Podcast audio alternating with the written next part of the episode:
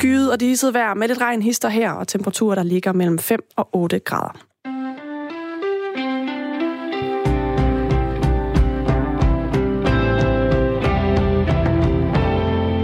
Klokken er blevet 5 minutter over 6. Anne Philipsen serverer nyheder klokken helt og halv øh, den her morgen. Resten af tiden sørger vi for at fylde med vigtige ting. Kasper Harbo og Jakob Grosen er dine morgenværter her til morgen. Godmorgen. Der findes mennesker i det her land, for hvem det her er den første rigtige arbejdsdag efter juleferien. Og dem skal vi altså tale lidt varsomt om den her morgen.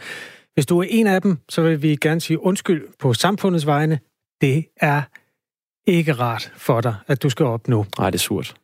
Den gode nyhed er, at siden du gik på juleferie, er dagen blevet et kvarter længere. Eller ikke længere som sådan, men der er lys en kvarter, et kvarter mere, end der var den, der, den mørkeste dag. Og øh, allerede kvart i ni står solen angiveligt op. Vi skal nok sige til, når det sker. Okay, der er der kun øh, to timer og 40 minutter til. De nyeste nyheder kommer fra underholdningsindustrien. Brad Pitt har lige vundet en Golden Globe. Tillykke, ja. Brad, Tillykke. for sin rolle i Once Upon a Time in Hollywood. En Tarantino-film, som også blev kåret som bedste film for sit øh, anderledes take på Charles Manson og hans øh, dødskult. Og så har miniserien om atomkatastrofen Tjernobyl også taget et par priser. Ja, det er den gode nyhed i virkeligheden. Altså, at øh, Golden Globe er katastrofe plus tid. ja, det er rigtigt. Katastrofer, dårlige historier, dårlige nyheder kan blive til fantastiske film og serier, hvis man bare venter længe nok. Og dårlige nyheder har vi for så vidt også nok af i dag, den her mandag. 31 danskere er døde i arbejdsulykker sidste år. Det kommer vi til om fem minutter. Og så er der jo en stor konflikt mellem USA og Iran det er en historie, der tror med at sætte hele Mellemøsten i brand. Det kan være, at vi skal starte der. Ja, de fleste har nok hørt, at en, øh, en højtstående og populær militærgeneral fra Iran blev dræbt øh, i fredags af USA. Men hvad går den her konflikt egentlig ud på? Det gennemgår vi nu, Kasper.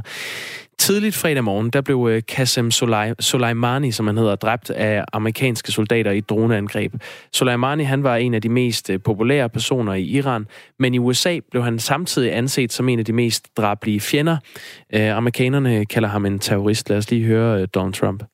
Soleimani was plotting imminent and sinister attacks on American diplomats and military personnel, but we caught him in the act and terminated him. Ja, her siger den øh, amerikanske præsident Donald Trump, der befalede øh, droneangrebet, at Soleimani planlagde snarlige angreb på øh, amerikanske diplomater og militærfolk. Men vi greb ham i det og uska- uskadeligt gjorde ham, siger han. Drabet på uh, Qasem Soleimani har i weekenden skabt stor vrede blandt folkene i Iran og generelt i, i Mellemøsten. For udover at han i overvis har været hjernen bag Irans øh, udenrigspolitiske og militære strategi, så var han også en berømthed med masser af følgere på Instagram.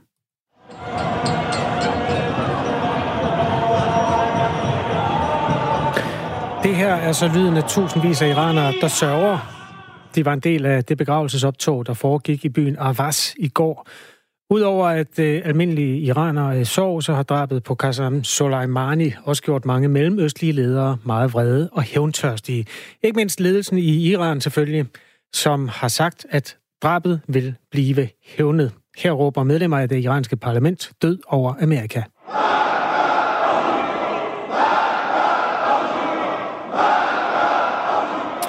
På øh, videoen, som den her lyd kommer fra, der øh, står op mod 100 parlamentsmedlemmer i parlamentsbygningen og råber død over Amerika.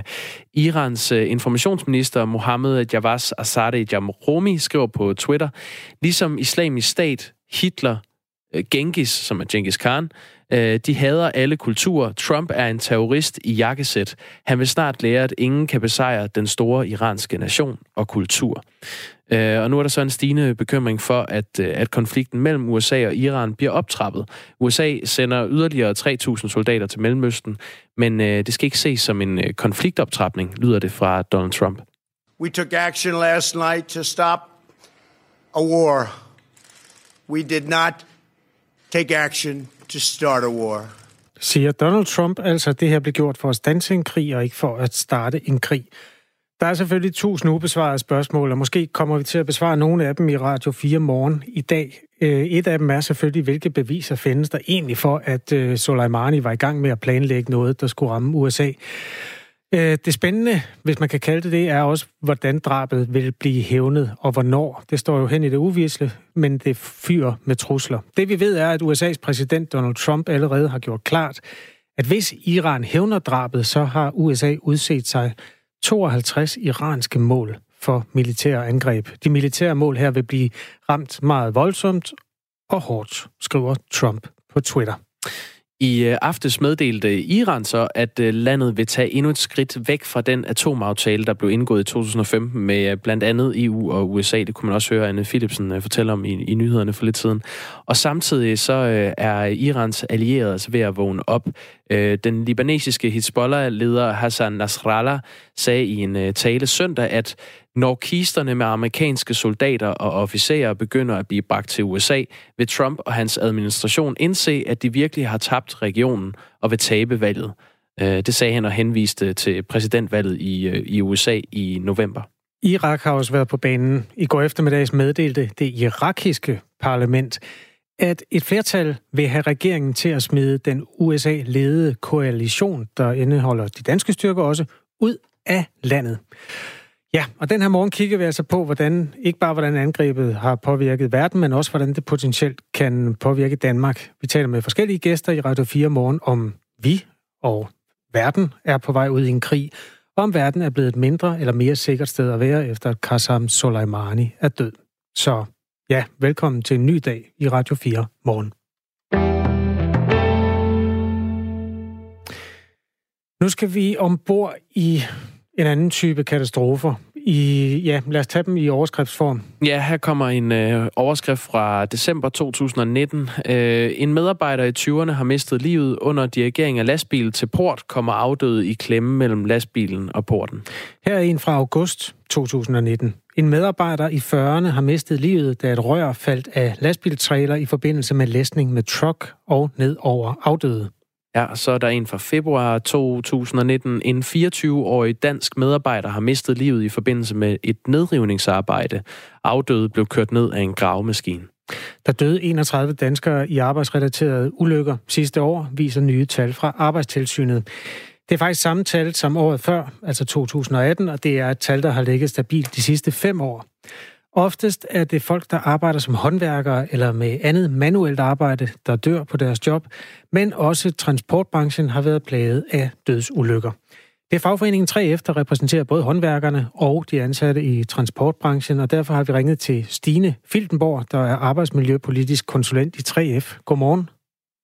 Godmorgen. Hvor, hvordan reagerer I på tallene, når I hører, at de har ligget stabilt i fem år? Jamen, øh, det er øh, altså det er 3F's klare holdning, at der er ikke nogen, der skal miste livet af at øh, gå på arbejde. Det er tragisk, og det er helt forfærdeligt. Og at øh, de her nye tal fra 2019, de viser, at der er 31 dødsulykker. Øh, det er 31 dødsulykker for mange. Det er vores øh, klare holdning. Hvilket ansvar har I for at sikre, at øh, de her tal kommer ned? Jamen, øh, i 3F, der arbejder vi øh, på flere områder for at nedbringe øh, antallet af dødsulykker. Vi presser for eksempel på og råber op øh, hos politikerne, fordi der er simpelthen en behov for en øh, massiv indsats på det her område. Og det har så en, øh, resulteret i, at der er, øh, altså der er i gang sat nogle øh, målrettede indsatser både i landbruget og i byggeriet og også i transportområdet, som du også nævnte, hvor at øh, arbejdstilsynet de nu fører en, øh, en stærkere kontrol, og så er de blevet mere dialogsøgende og vejledende i deres arbejde. Og konkret så øh, i 3F, så uddanner vi jo rigtig mange af vores øh, arbejdsmiljørepræsentanter. De er vores øh, arbejdsmiljøhelte i hverdagen ude på arbejdspladserne. De kender kollegaerne, de kender arbejdsmiljøet ud og ind. Så ved at klæde dem på til opgaven, så tror vi på, at det kan være med til at forebygge arbejdsulykkerne og også dødsulykkerne. Mm. Når man kigger på de her tal, siden registreringerne begyndte i 1979, altså for godt 40 ja. år siden, så kan man sige, ja. at dengang var der mange, og så mm. i 90'erne, der var der i gennemsnit nogle af 70 dødelige arbejdsulykker om året. Ja. De sidste fem år, der er tallet så stagneret og ligget omkring 30, mm. så det er jo et tal, der er gået den rigtige vej. Men har du noget bud på, mm. hvorfor det ikke kan komme længere ned end der, hvor det er nu? Øh, ja, altså vi ser jo, at det, altså, det er jo rigtig positivt, at antallet af ulykker, de er, at de er faldet øh, over tid. Øh, og som du selv siger, i 90'erne lå de øh, omkring de der 80, og nu ligger de nede på 31. Det er jo positivt. Men øh, i 3F, der kan vi, vi kan ikke acceptere, at, øh, at der er et vist niveau af dødsulykker, øh, bare fordi, at det er svært at undgå øh, dødsulykkerne. Øh, at vores medlemmer må ikke gå på arbejde og sætte deres øh, liv på spil.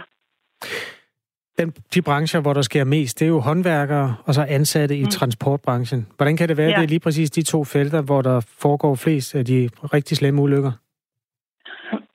Jamen, det er, øh, det er to brancher, øh, og, også, og det gælder også sådan set også landbruget, øh, som, hvor at det er øh, hårdt belastede øh, arbejdsopgaver, som man har i, i de her brancher. Øh, Øh, jeg har nogle tal fra for eksempel tra- transportområdet, hvor at øh, der var 29 øh, mennesker, der mistede livet sidste år, og der er 20 af dem er på, øh, på 3F's øh, på området, på vores øh, transportområde, og det er jo fuldstændig øh, uacceptable tal, og vi bakker op om, at vi skal finde en løsning på, øh, hvorfor sker de her ulykker, og hvordan kan man øh, frem, altså, øh, undgå dem fremover. Øh, Stine Fildenborg, arbejdsmiljøpolitisk øh, konsulent i 3F. Hvad, hvornår regner I med, at I kan bringe det her tal ned? Nu øh, fortalte Kasper også lige før, at det, det er stagneret de sidste fem år. Det har ligget omkring 30 dødsfald om året. Altså, hvornår, hvornår får vi bragt det tal ned? Altså, vi, vi, vi, vi gør alt, hvad vi kan. Vi, øh, vi presser på for, i forhold til det politiske system, og vi uddanner vores øh, vores egne folk, øh, og så arbejder vi jo også aktivt i øh, arbejdsmiljøbranchefællesskaberne, hvor vi sammen med arbejdsgiverforeningerne laver indsatser omkring forebyggelse af ulykker, bedre kommunikation, og så altså spreder viden omkring øh, et mere sikkert øh, arbejdsmiljø. Øh, sådan så både vores øh, chauffører og landmænd og vores folk i byggebranchen øh, får mere viden omkring forebyggelse af, arbejdsmiljø, det er altafgørende. Men hvornår vi ligesom øh, kommer i, øh, i bund, det, det kan jeg jo ikke svare på. Når man læser de enkelte sager, så er det jo kæmpe katastrofer for de pårørende, mm. som mhm. står tilbage bagefter. Og så samtidig ja. så er der noget andet, der står tilbage, nemlig at der er menneskelige fejl. Næsten ja. hver eneste gang. Altså, der er et menneske, der har glemt at se sig for, øh, når man har kørt med en maskine og har ramt den anden, eller der mm. er nogen, der ikke har sikret noget gods godt nok. Ja. Hvordan øh, arbejder man med det? Hvordan får man den enkelte til at åbne øjnene bare en lille smule bedre? Altså her er det jo øh, helt centralt at, at få frem, at det er ikke den enkelte medarbejders øh, ansvar. Øh, det, er, det, står, det fremgår af arbejdsmiljøloven, at det er arbejdsgiverens ansvar at sikre, at arbejdet det er fuldt forsvarligt. Når det er sagt, så er det jo en alles interesse, både arbejdsgiver og medarbejdere, at, at ulykkerne øh, at de bliver forebygget øh, i, i høj grad. Stine Filtenborg er altså arbejdsmiljøpolitisk konsulent i 3F, fagforeningen der. Tak fordi du var med i Radio 4 morgen. Ja, velbekomme. De tal, der er kommet for forgangne år 2019, er endnu ikke delt op på brancher, men i Året før, altså 2018, der registrerede arbejdstilsynet hver tredje arbejdsulykke med dødelig udgang i kategorien operatør- og monteringsarbejde samt transportarbejde. Så hvis du er på vej ud for at passe dit arbejde inden for de sektorer, så pas på dig selv og andre, så vi kan få det tal lidt længere ned end de 31, som altså mistede livet i 2019. Du lytter til Radio 4 morgen. Klokken er 18 minutter over 6. Hvad er en by uden en øh, boghandler? Ikke meget, hvis man spørger øh, borgerne i øh, Fredensborg i Nordsjælland. 1. januar overtog et øh, andelsselskab bestående af borgerne, nemlig den over 100 år gamle boghandel i, øh, i byen. Boghandleren, som er den 78-årige Paul Blæsbjerg, havde haft øh, butikken til salg i over to år, men uden held. Der var ingen, der ville købe den. Han ville gerne gå på pension, men han nægtede at se sin øh, boghandel lide øh, butikstøden, som så mange andre butikker i, i byen, byen og, og i hele landet. Folkene bag det her køb havde samlet over 900.000 kroner ind for at kunne overtage boghandlen og køre forretningen videre. Det, det skriver Berlingske. Og nu kan vi sige godmorgen til Paul Blæsbjerg. Godmorgen. Ja, godmorgen. Tillykke med pensioneringen. Jo, tak skal du have. Hvorfor har du ikke ville lukke din boghandel, selvom der ikke var nogen køber? Ja, det, det har jeg meget, meget svært ved, for øh, øh, fra dag et, da jeg havde sat boghandlen til salg, øh, der udbryder en øh, stemning i byen, at, øh, at det kan man ikke. Øh, i de følgende to år, øh, hvor jeg forsøgte at sælge den, der fik jeg så mange tilkendegivelser, at øh, øh, du må altså ikke øh, lukke øh, din boghandel. Vi kan ikke undvære en boghandel her i byen, og så videre. Så øh, der havde jeg en tro på, at øh, på et eller andet tidspunkt øh, vil der øh, ske et eller andet. Og Øh, det, øh, det gjorde der så også, for efter de to år, øh, så var der øh, fire yngre mennesker, at der øh, trådte sammen og øh, øh, tog kontakt til mig, at øh, de var nervøse for, at det skulle ende med, at I ville lukke boghandlen. Så øh, der begyndte vi så at have en, en øh, snak sammen om, øh, et, øh, om at finde en eller anden løsning. Øh, til at videreføre boghandlen. Ja, og borgerne har simpelthen været bekymret for, at, øh, at det ikke længere skulle være en boghandel. Øh, ja, din, ja. din boghandel, ikke? Jo, øh, det, øh, det var det. Som har været en boghandel siden 1909. Og øh, ja. jeg, har, jeg er blevet ja. informeret om, at du har været øh, i lære. Du kom i lære som boghandler i, i 1959, da du var 17 år gammel. Og så har du været boghandler ja. i, i over 60 år. Øh, ja, det er rigtigt. Hvorfor valgte du at blive boghandler?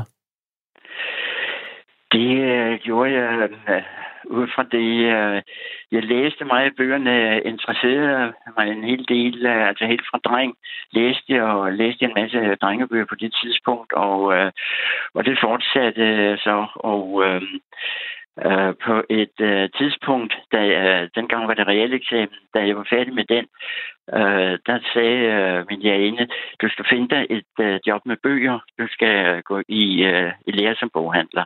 Og det lyttede jeg til, og øh, kom så i, i lære i en øh, boghandel i, øh, der i Odense. Poul Blæsbjerg, jeg vil tro, dit 60 år, du har været boghandler, det er nok de år, hvor der er sket mest inden for den branche. Altså i forhold til e-bøger og lydbøger og alt det der, der er kommet til. Øh, øh hvor, har du nogensinde været i tvivl om, der egentlig var en fremtid for bøger lavet af papir? Uh, nej, det har jeg ikke været spor i tvivl om.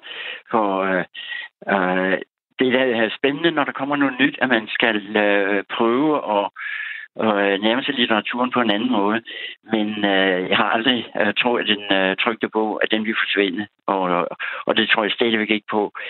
Øh, at sidde med en øh, iPad eller øh, læse en bog på en skærm, det synes jeg slet ikke. Øh, det dur slet ikke. Nej. Altså... i, hvert fald, I hvert fald ikke for mig. Nej, nej, det skal du altså også sige, Paul, efter 60 år i faget. Men ja, har du mærket nogen, øh, altså der må have været nogle konjunkturer, som er svinget op og mest ned, måske øh, inden for dit fag, eller hvad? Hvordan har du oplevet det, når du har været altså solgt bøger? Øh, øh, jo, det, øh, det har vi da mærket. Altså, det er i... Øh, øh, hvad skal vi sige? Det har, øh, været omkring øh, 2006-2008 stykker der. Der skete der noget inden for, øhm, for bogbranchen, hvor øh, alle kunne sætte bøger og, og så videre. Men øh, der kom lidt øh, øh, konkurrence inden for øh, boghandlen, og øh, det må man så prøve at indrette sig efter, så man kan imødegå den konkurrence. Og, og det lykkedes da i hvert fald for, for vores vedkommende her i, øh, i Fredensborg. Mm. For borgerne har hele tiden været meget trofaste og har brugt os meget. Det er jo ikke kun øh, boghandlere, der oplever øget konkurrence. Det er jo en, et, en generel problemstilling. Butikker øh, oplever det der med, man taler om butiksdød, at øh, de fysiske butikker bliver udkonkurreret af online-salg og sådan noget. Der er mange, der er nødt til at, at lukke ned. Øh, men det her det er jo så et, et glædeligt eksempel. Det er også derfor, vi hiver fat i historien på, at, at borgerne i Fredensborg, de vil simpelthen ikke acceptere den udvikling, og så er de så gået sammen om at, at redde din boghandel. Men hvis vi nu spørger ja. dig, øh, Paul Blæsbjerg, Øh, hvorfor er det vigtigt, at en by har en, en fysisk boghandel nede i, i byen? Øh, altså, øh, boghandlen bruges øh, til mange ting. Altså, øh, til flere kulturelle ting. Øh, også, Øh, altså, nu har vi haft mange øh, forfattere på besøg i øh, årets løb, eller i årenes løb. Og øh, det bidrager også til, at man øh, kommer ned og får en øh, oplevelse i boghandlen. Og øh, desuden i sådan en by, øh, hvor mange kender hinanden, jamen øh, de kommer ned, og øh, så træffer de nogen, de kender, så får de en lille snak, og vi sælger billetter til forskellige kulturelle arrangementer osv. Så, så en boghandel er sådan set mange ting. At, øh, at man øh, øh, kan få løst mange af sine opgaver i en boghandel. Jeg vil ikke sige, at det kan være et socialt samlingssted, men øh, der er i hvert fald mange, der kommer, og så får de en lille øh, snak med naboen eller med en anden øh, bekendt i, øh, i byen. Så øh, jeg følte, den, den øh, at boghandlen der bruges til mange gode, positive ting. Kommer du til at få en rolle i boghandlen fremover, når den så er på andre hænder? Øh, det kan jeg ikke sige for øjeblikket. Øh, altså, der er ikke nogen planer om, at jeg øh, skal øh, komme derned og hjælpe til. Men øh, bliver der ringet, at øh, i dag er der en medarbejder, der er syg, og vi mangler en, jamen så vil jeg nok aldrig sige nej til at, at komme ned og, øh, og give en hånd med igen. Ej, det kan være, at de lige skal have lov at starte op uden dig, Paul. De tør nok ikke pille en hylde ned uden at spørge dig. jo, det, det tager de godt, for de er i, uh, i gang med at lave forskellige tiltag, og, og så har de åbningsreception på uh, næste lørdag, uh, hvor de åbner med et nyt facadeskilt og så videre. Så uh, jeg ser det her som meget, meget positive uh, ting, at der sker, både med boghandlen, men også i byen. Så må du sætte handling bag ord og huske at købe nogle bøger dernede, Poul Bjergsberg. Det skal jeg nok gøre, helt sikkert. Det var godt. Poul Blæsbjerg, ja. pensionist og tidligere boghandler. Øh, nyd dit otium. Jo, tak. Det er godt. Tak for snakken. Godt. Ja, selv tak. Hej. Hej. Hej. Det her er Radio 4 morgen, og jeg synes, at vi lige skylder en opdatering på, hvad der er sket i Malmø. Der har jo været presmøde for en gang skyld er der ikke nogen, der er blevet skudt. Der har simpelthen bare været pressemøde. Ja. Jon Dahl Thomasen skal være cheftræner for det stedlige storhold Malmø FF. Det er fedt. Øh, for ham i hvert fald. Øh, mindre fedt for landsholdet måske. Det kan man sige. Danmarks landshold har haft stor glæde af Jon Dahl Thomasson gennem en hel del år. Øh, manden, der pumpede over 50 mål ind først, og som de sidste fire år også øh, har været assistenttræner på Danmarks landshold. Han skal altså nu være cheftræner i Malmø, sjovt nok samme sted, hvor Danmarks nuværende chef, landstræner Åke Harreide, som Jon Dahl jo altså har dannet par med i spidsen for landsholdet i fire år, men han har også været cheftræner lige præcis der, og det var en af de ting, som Jon Dahl kom ind på under pressemødet i går. Ja, men Ove har jo altid været glad for, for Malmø, øh, og vi har snakket mange gange om Malmø, og han har haft en fantastisk tid her og leveret gode resultater. Han var meget glad på min vegne og, og sagde, ja, du skal bare tage afsted, Jon. Det er, det er et fantastisk sted at være. Så vi har haft gode samtaler om Malmø. Du skal bare tage afsted, Jon. Gør det dog. Ja, øh, sådan et pressemøde er jo altid fuldt af positiv stemning. Dem, der holder pressemøde, de sørger i hvert fald for, at det hele er rigtig positivt. Og Jon Dahl, han skulle også sørge for, at alt det her fik en positiv start. Så øh, det der, der måske ligger lidt mellem linjerne, det negative, det, det skulle klemmes lidt ud af ham. Men det blev det så heldigvis også. Altså, øh, en af tingene er jo, måske er det ikke super fedt for Danmarks landshold, og i den sidste ende heller ikke for Åke Harreide, at øh, Jon Dahl Thomasson, han smutter nu. Og han fik spørgsmålet flere gange, er det fedt? Jamen, det er, det er meget positivt og sådan noget. Og til sidst så var der så en fyr fra Bold.dk, der fik spurgt ham to gange i træk, om det måske også var lidt ufedt for nogle andre, at Jon Dahl har fået det job her. Der, der, der kommer lidt af det i det klip her. Han var, han var glad på min vejen. Uh, øh, han var også lidt skuffet. Skuffet er ikke det rigtige ord, men, men, men han vil gerne have, at jeg var blevet til sommer selvfølgelig. Uh, for vi, vi startede noget sammen, og det har været fire fantastiske år, hvor vi har historisk set uh, har leveret de bedste resultater, dansk fodbold nogensinde har gjort. I hvert fald med hensyn til ikke at tabe kampe. Så det har været, det har været en flot rejse og lang rejse, men, uh, men han, var, han var glad på min vejen. Føler du lidt, du har ladt ham i stikken med det her, eller hvordan, hvordan ser du på det? Projektet var så interessant her, og, og, og så spændende. Og det der med at kvalificere Danmark til to slutrunder, hvor jeg har haft en, en stor bidrag, og har, har, har været rigtig, rigtig godt. Men stort projekt eller ej, føler man ikke alligevel en sådan smule skuffelse over at misse en så stor slutrunde, som der kommer til at være i Danmark til sommer? Altså, stor slutrunde er jo øh, er, er fantastisk for, for, for den danske befolkning. Generelt at der, der spilles kampe, tre kampe i Danmark, øh, er unikt. Det er, det, det er måske lidt, lidt vanvittigt og giver gode fordele. Men, men, men sidste ende, så, så, så må man også være ærlig og sige til sig selv, øh, det er en, det er en god mulighed. Malmø er en målrettet klub, stor klub med store ambitioner, ligesom mig selv. Godt match, vi ved de samme ting. Ja, så må man hoppe på toget. Summa summarum, en hver af sig selv nærmest ude på arbejdsmarkedet. Det er jo egentlig fair nok. Ja, det er fair nok. Man kan godt forstå det, men det, det må også være lidt mærkeligt at tage sådan en beslutning. Med udsigt til tre hjemmekampe i, da, i København mm. under EM. Han har selv været med til at føre landsholdet øh, videre. Man kunne nok godt forestille sig, at han gerne vil sidde på sidelinjen. Det kan så også være, at han har stukket en finger ind i jorden, der, den jord, der er inde i DBU, mm. for at finde ud af, hvad sker der efter EM. Ja, den er fugtig, den jord. Som man siger. Øh, der kommer en ny landstræner i hvert fald. Kasper Julemand skal træde til. Og det store spørgsmål er, vil han gerne have den samme mand som assistenttræner, og vil Jon Dahl gerne være assistenttræner for ham? Det kan også godt være, at det har spillet en lille rolle. Ja, han havde nok ikke, måske ikke udsigt til at blive fortsat som assistent alligevel. Så godt for Jon Dahl. Tillykke med chefjobbet, og øh, sørg for at gøre dem til mestre. Og hvis du gør dem til mestre, så skal du samtidig sørge for, at alle er glade i Malmø FF. Fordi der var også en dansk træner, der hed Allan Kuhn, som gjorde Malmø FF mm. til, til svenske mestre. Og så bliver han fyret ud på røv og albuer øh, bagefter. Ja. Så det, det er ikke nogen nem branche. Det kan gå mange veje. Klokken den er blevet øh, et minut over halv syv, og øh, Anne Philipsen hun står klar med et nyhedsoverblik.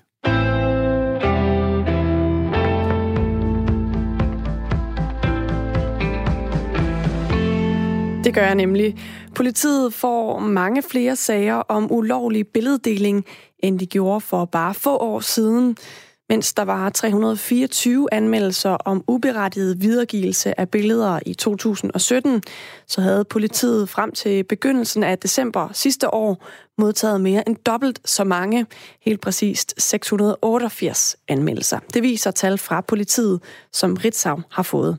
Sager om uberettiget billeddeling er blandt andet sager om digitale sexkrænkelser, hvor videoer eller billeder med seksuelt indhold bliver delt imod ens vilje, men de dækker altså også over andre sager, som for eksempel deling af billeder fra trafikulykker.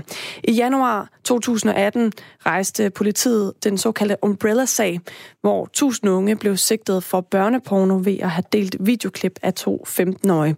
Og den sag, den gav samtidig et stort fokus på digitale sexkrænkelser. Ifølge politiinspektør Claus Birkelyng fra Nationalt Cybercrime Center, så er Umbrella-sagens fokus på digitale sexkrænkelser en af årsagerne til, at man også ser flere anmeldelser nu. Der er jo altid flere årsager til, at noget øh, stiger eller falder. Men, men jeg tror, at fokus på sagen gjorde, at folk blev opmærksomme på, at man kunne kunne anmelde det, og politiet faktisk tog øh, de her sager alvorligt, at hvor, hvor nogen havde delt nogle billeder uberettiget af andre, enten med seksuel indhold eller med, eller med andet af privat karakter. Der er andre ting, der har gjort det nemmere. Det er, at man nu kan anmelde det digitalt, det vil sige, at man bliver guidet igennem øh, på politi.dk, hvad det er, politiet har brug for, og man slipper så for at stå og, at skulle udbrede det ned i ekspeditionen på en politistation, hvis, hvilket nogen finder ubehageligt. Det tror jeg også er medvirkende til, at, at man ser flere anmeldelser. Over 468.000 bygninger langs åer ved lavninger og langs kysterne risikerer at blive ramt af oversvømmelser. Det viser en analyse fra danske regioner og virksomheden Skalgo. Analysen viser ifølge Jyllandsposten, hvad der sker, når forskellige områder af Danmark bliver ramt af det, der hedder en 100-års hændelse, eller af en stormflod, der presser vandet to meter højere op end normalt. Og ifølge Senior Stampe, der er miljøordfører for de radikale, så viser de her tal, at der er brug for en samlet plan for klimatilpasningen i Danmark. Den viser jo, at vi står over for en kæmpe stor udfordring, og den viser også, at det er vigtigt, at vi øh, at vi øh, får en samlet plan for klimatilpasning i Danmark. Det er noget, regeringen har lovet os, men vi har endnu ikke øh, set noget. Og det synes jeg bare øh, jo lægger et ekstra pres på, at øh, regeringen nu kommer med et udspil. USA's præsident Donald Trump truer Irak med sanktioner, hvis landet smider amerikanske soldater ud af landet på fjendtlig vis. Det irakiske parlament har opfordret regeringen til at sende den USA-ledede koalition ud af Irak, efter at den iranske militærleder Qasem Soleimani blev dræbt i et amerikansk luftangreb i Iraks hovedstad Bagdad i fredags.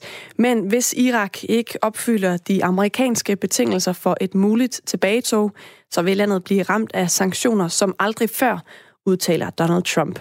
Han opfordrer blandt andet den irakiske regering til at erstatte omkostningerne for noget af den infrastruktur, som amerikanerne har været med til at bygge i landet. Det gælder blandt andet en større militær flyplads, som har kostet milliarder af dollars.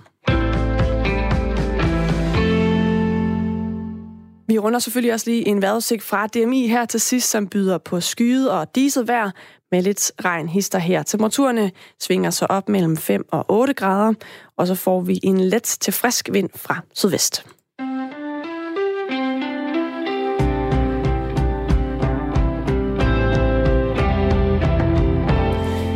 God morgen. Klokken er blevet øh, 5 minutter over halv syv på denne øh, herrens 6. januar 2020, Kasper. Tøhyve, tøhyve. Tøhøve, tøhøve, og det er mandag morgen. Godmorgen. Godmorgen. Jakob Grosen og Kasper Harbo er morgenværnerne her på Radio 4 morgen, og så er der Anne Philipsen, der står for nyhederne. Og Anne Ølgaard er producer, og vi har også en ven, der hedder Theodor, der sørger for at passe telefonen.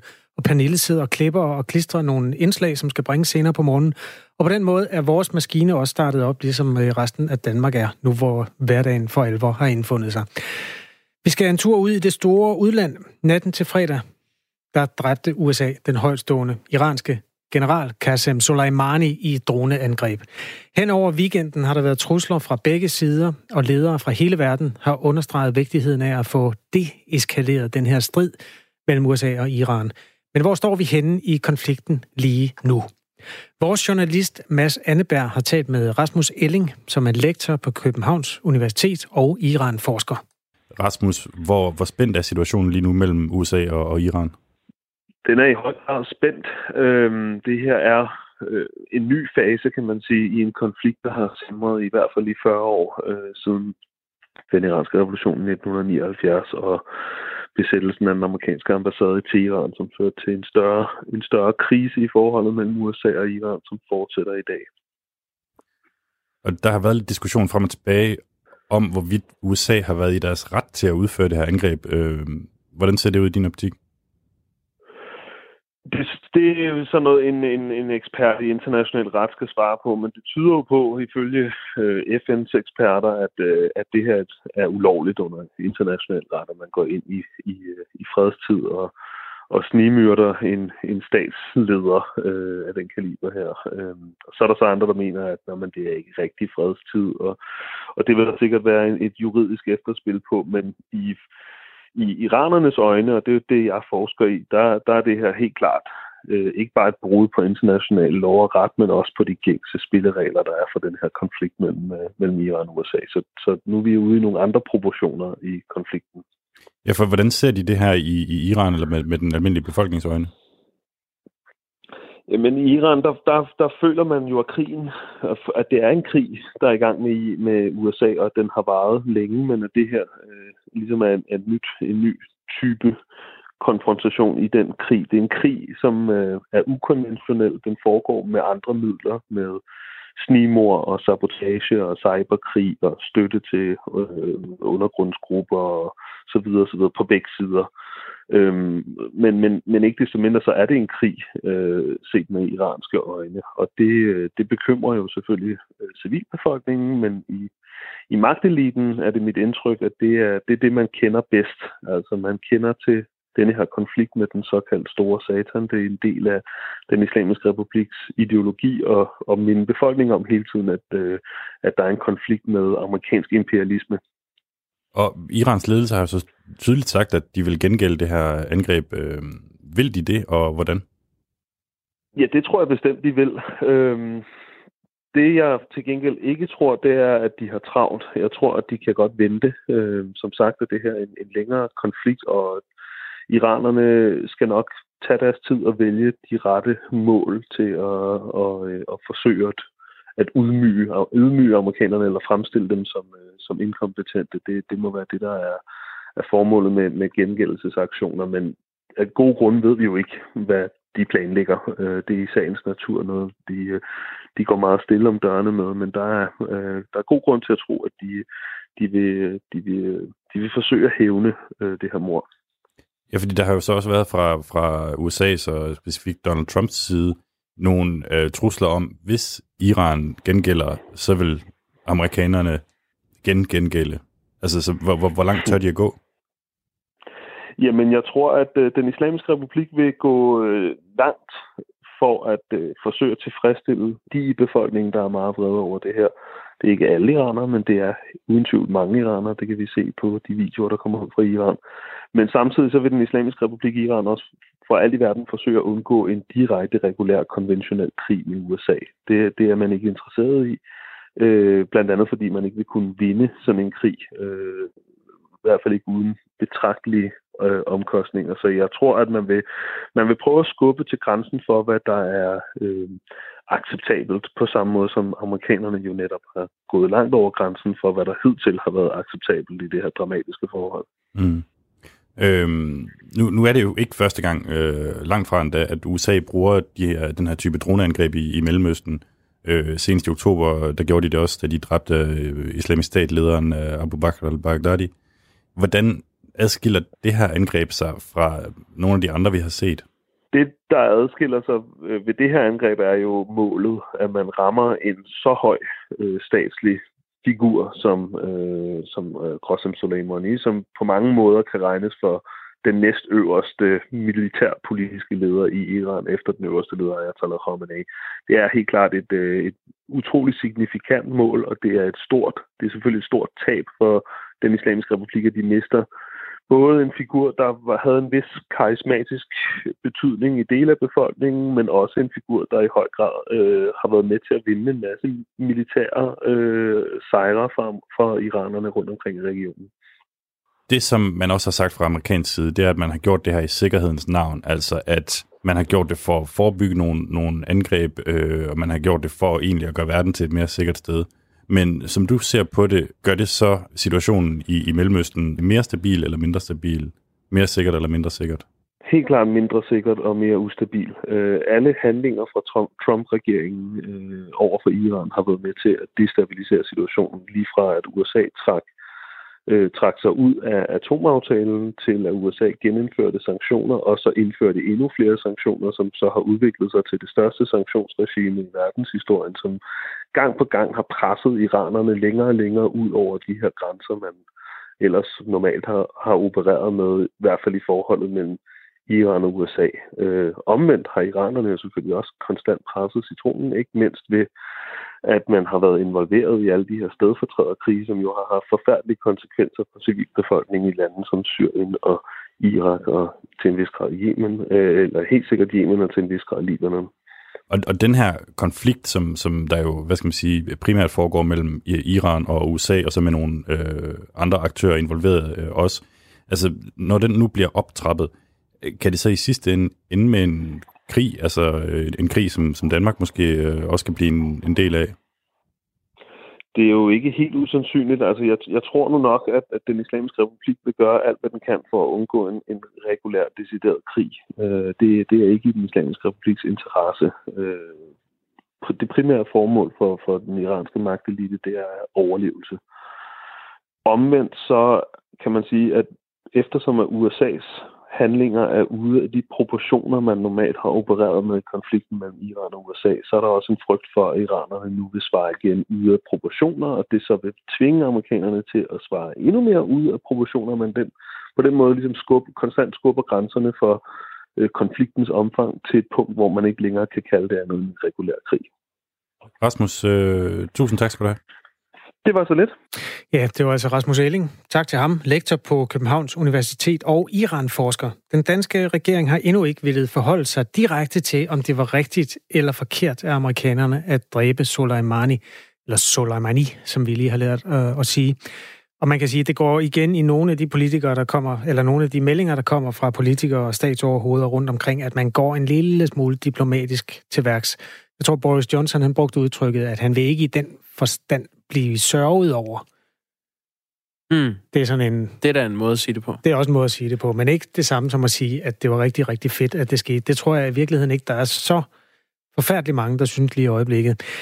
Øhm, den danske regering sådan lidt nølende eller ventende indstilling til den her sag møder kritik fra flere andre partier. Det prøver vi at skabe os et overblik over at tale med et par stykker af dem på den anden side af klokken 7. Lige nu er klokken 6.44. Jeg står her med tre forsider af det modemagasin, der hedder Italiensk Vogue, som øh, udkommer i morgen, og det er tre sådan øh, kunstfærdigt udarbejdede øh, forsider, øh, Kasper. Jeg ved ikke, øh, det er jo sådan nogle, det er jo illustrationer, det hele. Det er modeller, der er blevet malet. Der er et her med en... Øh, hun er død, hende der. Ja, normalt for... eller nogle gange er der jo en kritik af, af modeller, de ser mere døde ud end levende, og det, det må man sige, det gør den her i hvert fald. Det er sådan et, et lidt hængende hoved på en... Øh, det er vel en, en kvinde, der står med, med dukket nakke, og så er der en anden med en sort kvinde, der står og græder, og så er der en forside af en meget let på klædt øh, kvinde, lige ja, mere sådan noget hentai-tegning. Øh, ja, tak. Øhm, de her normale modelbilleder af, af smukke modeller er skiftet ud med illustrationer for at skåne klimaet.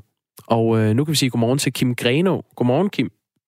Godmorgen. Creative Director og medejer af modemagasinet Dansk Magazine. Æh, hvordan vil den italienske udgave af Vogue skåne klimaet ved hjælp af, af de her tegninger på forsiden?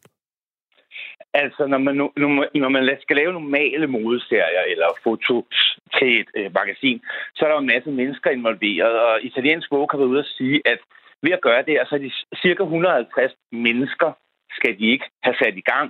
Øh, 20 fly skal de ikke bruge, 40 biler og 60% forsendelser. Man får sendt alt det her tøj, når man skal lave de her fotograferinger. Altså, personligt vil jeg så sige, at det lyder som om italiensk Vogue godt kunne bruge lidt hjælp til at blive lidt mere effektiv.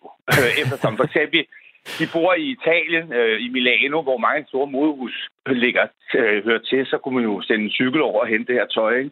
Øh, så, så, så jeg tænker, det, det, det er et voldsomt antal, de har gang i for at normalt lave modserier. Det er i hvert fald meget anderledes i forhold til, hvad vi gør på Dansk Magazine.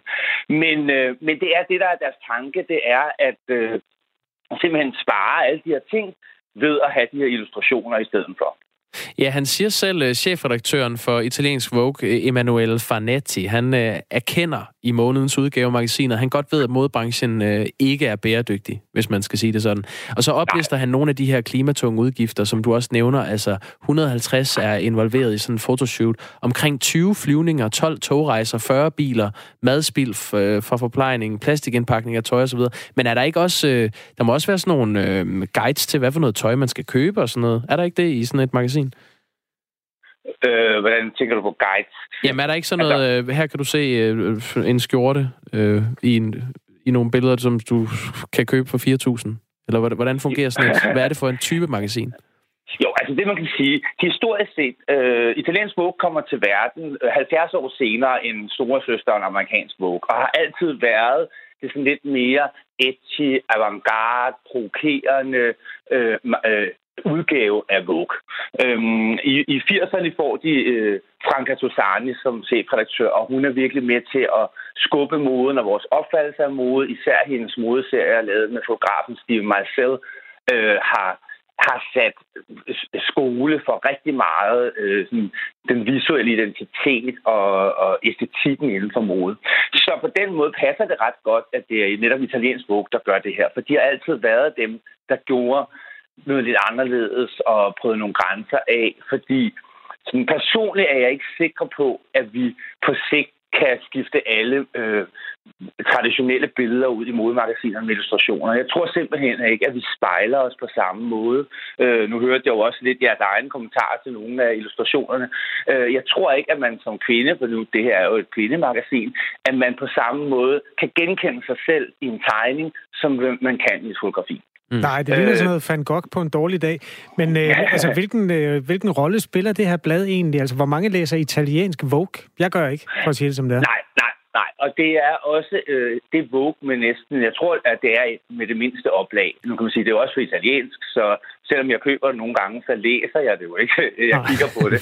øhm, men fordi netop, at de altid har haft det ønske om at skubbe grænser og meget, altså jeg ved, at, at en, det er også en vigtig ting for dem, og det er det faktisk også for os på Dansk Magazine, at billedet skal kunne stå længere end kjolen. Altså det vil sige, den måde, vi viser, er ikke det vigtigste. Det er den øh, verden, vi skaber rundt om det. Øh, altså den, det univers, man ligesom bliver lejet ind i gennem deres modeserier. Og der er jo mange andre magasiner, som i bund og grund bare viser en masse tøj. Øhm, og det gør, at det mere er et brancheblad, altså fotografer, make-up-artister osv., osv., øhm, hvor mange af de andre Vogue er til, der tænkt til almindelige forbrugere, som skal guides til, hvad for noget tøj skal købe. Kim Greno, øh, modindustrien er jo øh, på en eller anden måde per definition forurenende. Det er i hvert fald en klimabelastende branche. Er, er det her mere et, et stunt, der skal skaffe omtale, end det reelt batter noget i modbranchen? Eller hvad, hvad er din vurdering? Øh, det er det 100 procent. Men det er jo også det, der skal til for, at vi kan, kan flytte os. Det er jo, at I ringer til mig her til morgen, og vi snakker om det her, fordi vi er den fjerde mest forurenende branche, så der er rigtig meget, der skal gøres inden for mode, og vi er heldigvis også rigtig godt i gang. Danmark er faktisk et forgangsland der. I 10 år har vi haft noget, der hedder Copenhagen Fashion Summit, som er et topmøde, et internationalt topmøde, der bliver holdt i København, omkring, hvordan ændrer vi nogle af de her ting. Øhm, fordi at det er jo ikke, denne her lille ting vil jo ikke rigtig batte noget. Øh, fordi i bund og grund, så kunne de også bare have organiseret sig anderledes, og så have, have brugt noget mindre. Det, det, altså, på dansk for eksempel har vi for flere år siden valgt, vi fotograferer med modeller, der er i det land, hvor vi nu er, så vi behøver sikkert flyve dem. Øh, vores papir er certificeret. Øh, altså, der er masser af ting, man kan selvfølgelig kan gøre, øh, hvor det ikke batter noget. Altså, for eksempel er jeg stærk modstander af The Green Issue. Som modemagasin, så synes jeg, at man skal tænke bæredygtighed ind hele tiden på den lange bane. Sådan så, så det ikke på den måde bliver en trend med bæredygtighed, men bliver en ny livsstil, vi skal tilegne os. Og, og der er det selvfølgelig, ligesom vi kan alle sammen huske den gang med økologien, og den var sgu lidt klumpet, den der økomælk i starten, og den kostede også mere end øh, almindelig mælk. Og det tror jeg, vi skal forstå med mode også, at vi må lige være med på, at der er en overgang nu, hvor altså for eksempel øh, bæredygtig uld krasser en lille smule mere end almindelig uld. Øh, men den kan ikke komme til at blive billigere og bedre osv., hvis vi ikke begynder at købe den. Øh, mm. så, men, men bæredygtighed og mode er virkelig mange sider, for det er også noget omkring, hvordan vi forbruger. Har vi overhovedet brug for så meget tøj? Skal vi, skal vi spørge os selv, om en t-shirt til 39 kroner er en god idé? Altså, øh, der, der, der er virkelig noget som forbruger, hvor vi kan være med til at ændre det her, bare i den måde, vi bruger moden på. Kim Greno, øh, modekspert og creative director på modemagasinet Dansk øh, Magazine. Den opfordring er hermed øh, givet videre. Overvej, om du har brug for den t-shirt til 39 kroner næste gang, du står i butikken. Tak for det. Jamen selv tak, og god dag. Tak, i lige måde. I lige måde. Klokken er 6.52, og mens alle sådan i forhold til internationale spændinger går og taler om Iran og USA i de her dage, ja, så er der 200 danske soldater, der tager en flyvetur et helt andet sted hen. De tager hen over Østersøen, de tager fra Roskilde og så til Estland. Her skal de danske soldater være en del af NATO's fremskrudte tilstedeværelse i de baltiske lande og Polen, hvor de er en del af NATO's multinational styrke på omkring 4.000 mand.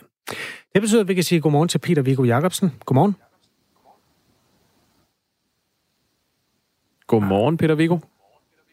Der er ingen, der kan forhindre os i at sige godmorgen til Peter Viggo. Men øh, vi har lige nu ikke vi har et lille, meget, meget kleint ekko af os selv, men Peter Viggo, vi kan simpelthen ikke høre dig, så nu kigger vi ud på Anne Ølgaard, vores producer, og siger øh, i kor, at han bliver ringet op om et øjeblik, og så kan vi altså gå lidt mere i dybden med historien om NATO's multinationale styrke, som omfatter omkring 4.000 soldater.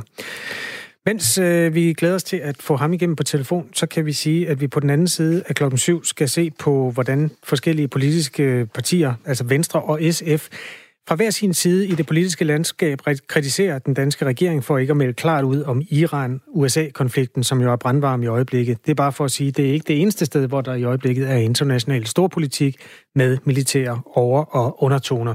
Mm. Peter Viggo Jacobsen, godmorgen. Godmorgen. Godt at have dig med i telefonrøret her. Vi skal tale om 200 danske soldater, der tager flyveturen over Østersøen fra øh, Roskilde til Estland. De skal være en del af NATO's fremskudte styrke der. Hvad er det, der gør, at øh, der føles et behov blandt NATO-landene for at sende en masse soldater til, øh, og stille dem op i Baltikum på grænsen til Rusland? Men det skyldes jo, at Rusland siden 2014, hvor de annekterede Krim, bagefter startede en krig i det østlige Ukraine, øh, har en politik, hvor de opfører sig lidt mere aggressivt øh, over for deres øh, nabolande, end de har gjort siden afslutningen på den kolde krig i 1989. Øh, og der er øh, det forhold, at der er russiske mindretal i de baltiske lande, øh, og de baltiske lande har også været udsat for forskellige former for chikane med øh, russiske fly, der kommer tæt på. De har været rendt ind over grænsen og taget en, en hvad det hedder, øh, en, en, en, hvad det hedder, øh, en 12, 12 betjent til fange og den slags ting.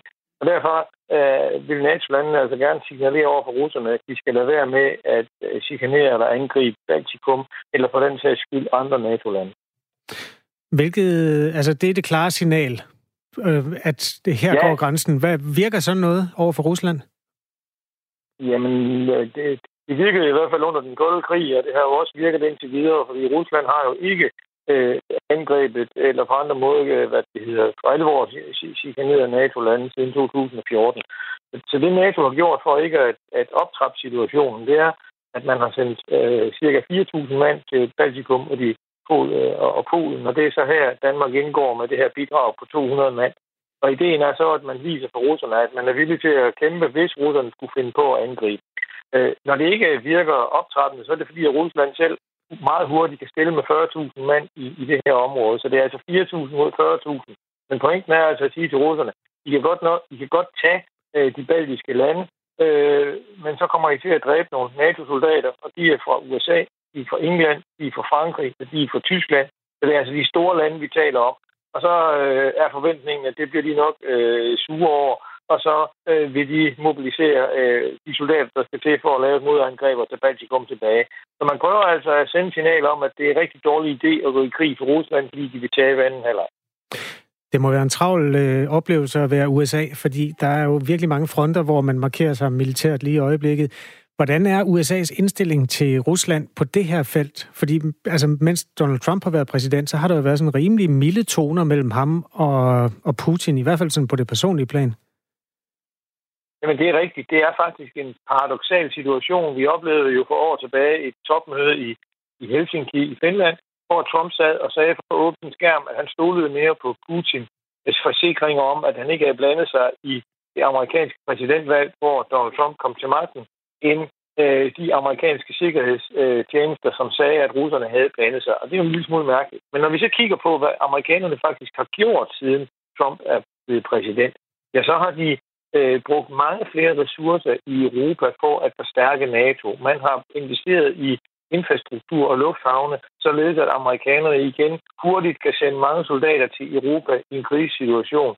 Øh, man har også øh, omlagt sin anden flåde, således at den igen kan holde russerne ude af Atlanterhavet i en krise- og krigssituation, således at forstærkningerne fra USA, der skal sejles til Europa, de kan beskyttes. Så selvom øh, Trump på den ene side øh, taler Øh, dunder og siger, at europæerne skal øh, betale 2% af BNP på forsvarsbudgettet, og han ikke vil forsvare lande, der ikke gør det, og det vil jeg sige herunder Danmark, ja, så har han altså med den anden hånd øget sin, øh, sin, sin støtte til NATO materielt og økonomisk. Nu har vi altså nogle fronter, der er trukket op, og der står 4.000 NATO-soldater der og sørger for, at russerne i hvert fald i første omgang ikke går ind over grænsen til Baltikum. Ved du noget om fra din stol, du er lektor ved Institut for Strategi ved Forsvarsakademiet, hvad russernes strategi egentlig er? Altså har de stadig en gammel drøm om at indlemme de baltiske lande i, i sådan et stort rige og lave noget nyt Sovjetunionen-agtigt? Nej, det tror jeg ikke. Det tror jeg ikke, de har det, der er bekymringen, det er jo, at, at, at russerne i en krisesituation, eller hvis der kommer nogen andre til, til en Putin til magten, der ser lidt mere firkantet på det, øh, kunne finde på at sige, at de, baltiske, øh, undskyld, de russiske mindretal i Baltikum, de har det ikke særlig godt. De er andenrangsborgere, de kan ikke blive statsborgere osv., og derfor så vil jeg nu lave en humanitær intervention for ligesom at beskytte øh, de her russere, der ikke har det så godt uden for Ruslands grænser. Så øh, i i Estland er det sådan, at der er en region, der hedder Narva, og der er 70 procent af befolkningen russisktalende. Og, der er altså vist, og det er lige over på den anden side af grænsen for Rusland. Så det vil være meget nemt sådan rent øh, militært at gå ind og tage det område. Øh, og det er sådan den bekymring, man har haft. Og bekymringen er måske heller ikke sådan et, et gammeldags angreb med panser og plader og fly og det hele, som man kender det fra krigsfilm. Det er mere, at man sender nogle øh, agitører eller nogle øh, hvad det hedder, specialoperationsstyrker ind over grænsen, der begynder at lave ballade og besætte øh, politistationer og lignende, som man har set i, i det østlige Ukraine. Og så kunne man jo forestille sig en situation, hvor NATO-landene ikke havde lyst til at bruge militær magt, fordi man er bange for at udløse 3. verdenskrig. Og det er altså den form for, for Peter, situation, man kan være bange for. Peter Viggo Jacobsen, øh, ganske kort her til sidst. Øh, I løbet af 2019, der kom det frem, at, øh, at der har været nogle målrettede opkald, som har chikaneret familier til NATO's udsendte soldater i de baltiske lande. Hvad, hvad er baggrunden for det? Men det hænger jo sammen med, at russerne har ikke lyst til at gå direkte i krig med NATO, men til gengæld så prøver de at, at, at, at irritere NATO på andre måder. Det gør de ved at blande sig i valg, det gør de ved at lave cyberangreb, og det gør de ved at prøve at hacke soldaterne telefoner og lokke dem i fælder og lave disinformation og den her slags ting. Og derfor er soldaterne også blevet uddannet til at kunne håndtere den her slags trusler og har fået at vide, hvad de, hvordan de skal bruge deres øh, mobiltelefoner og lignende. Peter Viggo Jacobsen er altså lektor ved Forsvarsakademiet og har hjulpet os med at forstå, hvad det er, de 200 danske soldater kommer til at stå over for, når de tager flyveturen i dag hen over Østersøen til Estland. Tak fordi du var med, Peter Viggo Jacobsen. Selv tak. Klokken er blevet syv, og Anne Philipsen